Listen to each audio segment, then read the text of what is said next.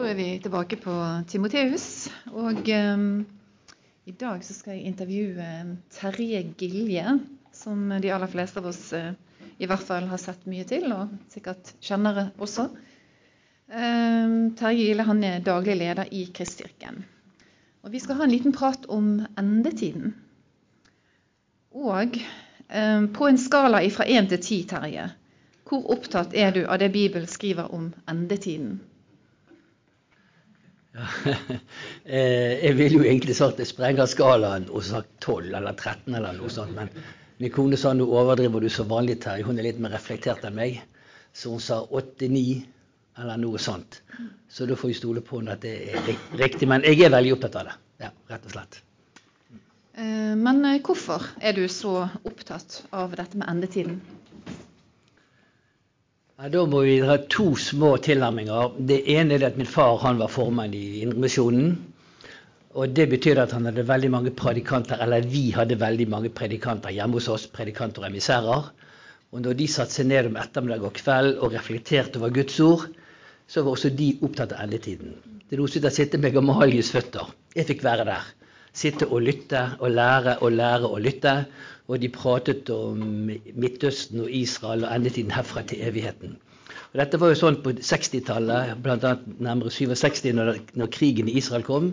Og da husker jeg min far sa det er ufattelig at ikke folk tror, for her skjer altså profetienes oppfyllelse rett foran øynene på oss, og de ser det ikke. Og det hadde med jødenes gjenkomst til Israel. Eh, så det har nok vært en stor grunn. Også med jobben som min far han var direktør på BMW så hadde han en god del forretninger med Israel å gjøre. Så liksom jeg fikk inn den positive delen av eh, jødene eller av Israel. Så i ettertid å se tilbake så tror jeg det kan være hovedgrunnen for at jeg er veldig opptatt av dette. Jeg har selvfølgelig en kone da, som er veldig opptatt av det. Hun har jo selvfølgelig påvirket meg. Ja.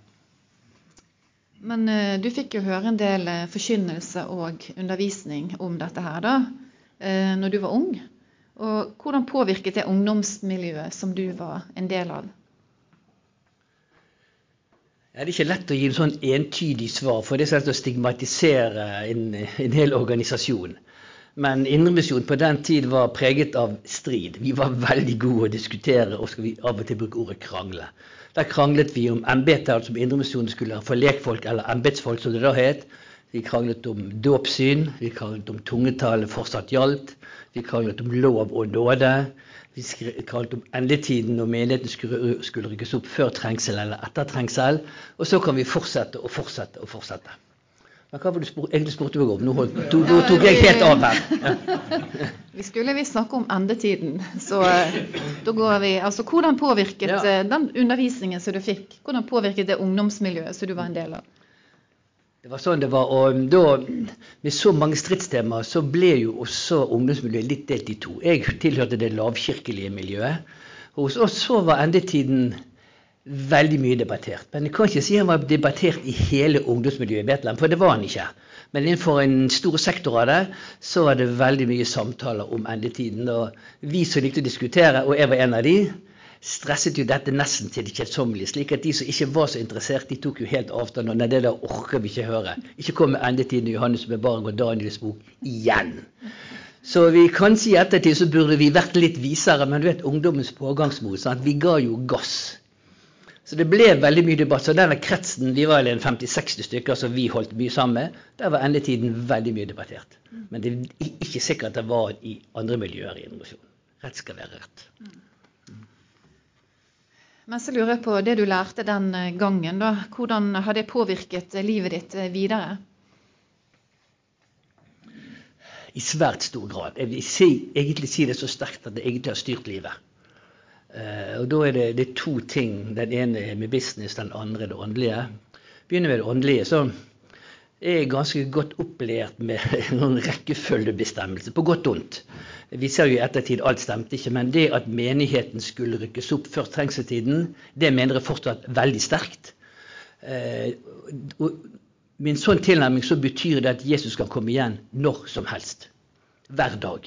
Så det betyr at den daglige omvendelsen med lov og nåde, tilgivelse og nå vennene dine i dag, for i morgen kan han komme igjen, Det har preget livet mitt, og preger det fortsatt.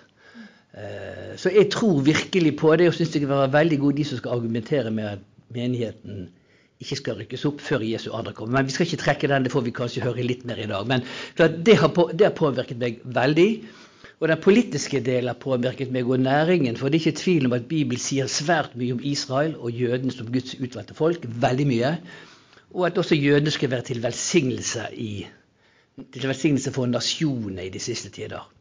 Og når jeg da har reist mye til Israel, har med meg politiske partier, har med meg mange fra næringslivet, og vi ser hvor langt fremme Israel er på teknologi, og de velsigner resten av verden. Og det gjør de. Det er imponerende. Dere må nesten komme på innsiden og oppleve hvor verdensledende Israel er innenfor svært mange fagfelt. De er rett og slett en velsignelse så opplever jeg at profetiene fortsatt blir oppfylt rett foran nesen på oss.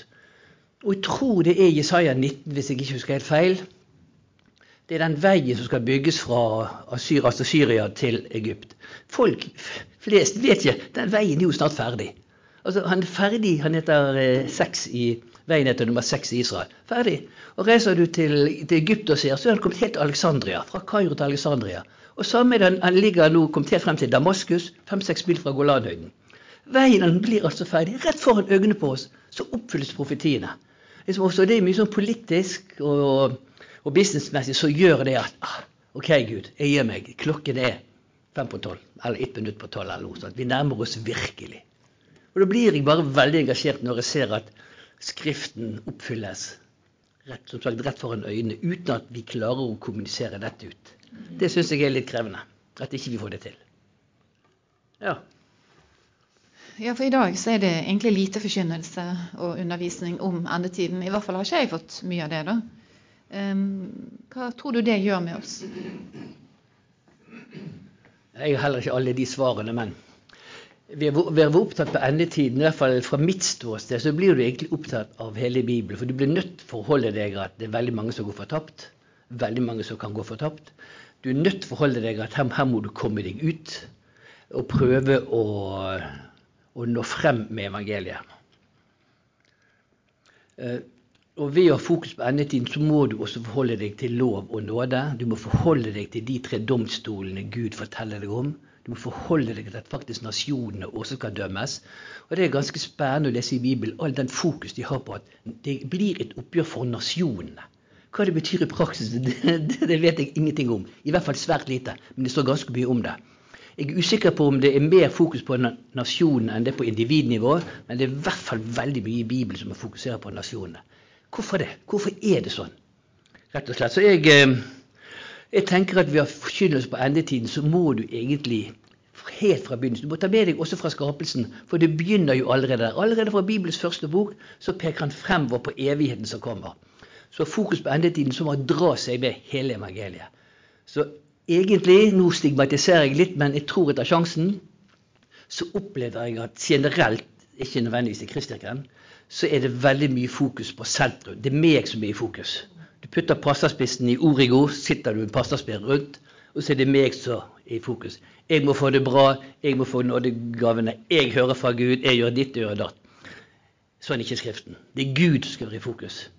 Så jeg opplever at vi har fokus på endetiden, så er det Gud som kommer i fokus, og mye mindre selvsentrert. Så Derfor tror jeg at fokus på sånne ting det gjør noe med måten vi blir undervist på. Hvor Gud skal være i origo, og ikke oss sjøl. Så der, der, halter vi litt i den generelle undervisningen i Norge. Og jeg hører selvfølgelig ikke på alt, men hører jo på litt. Veldig spennende. Et bra oppspill til Otta, som skal eh, snakke nå, undervise om endetiden. Tusen takk skal du ha.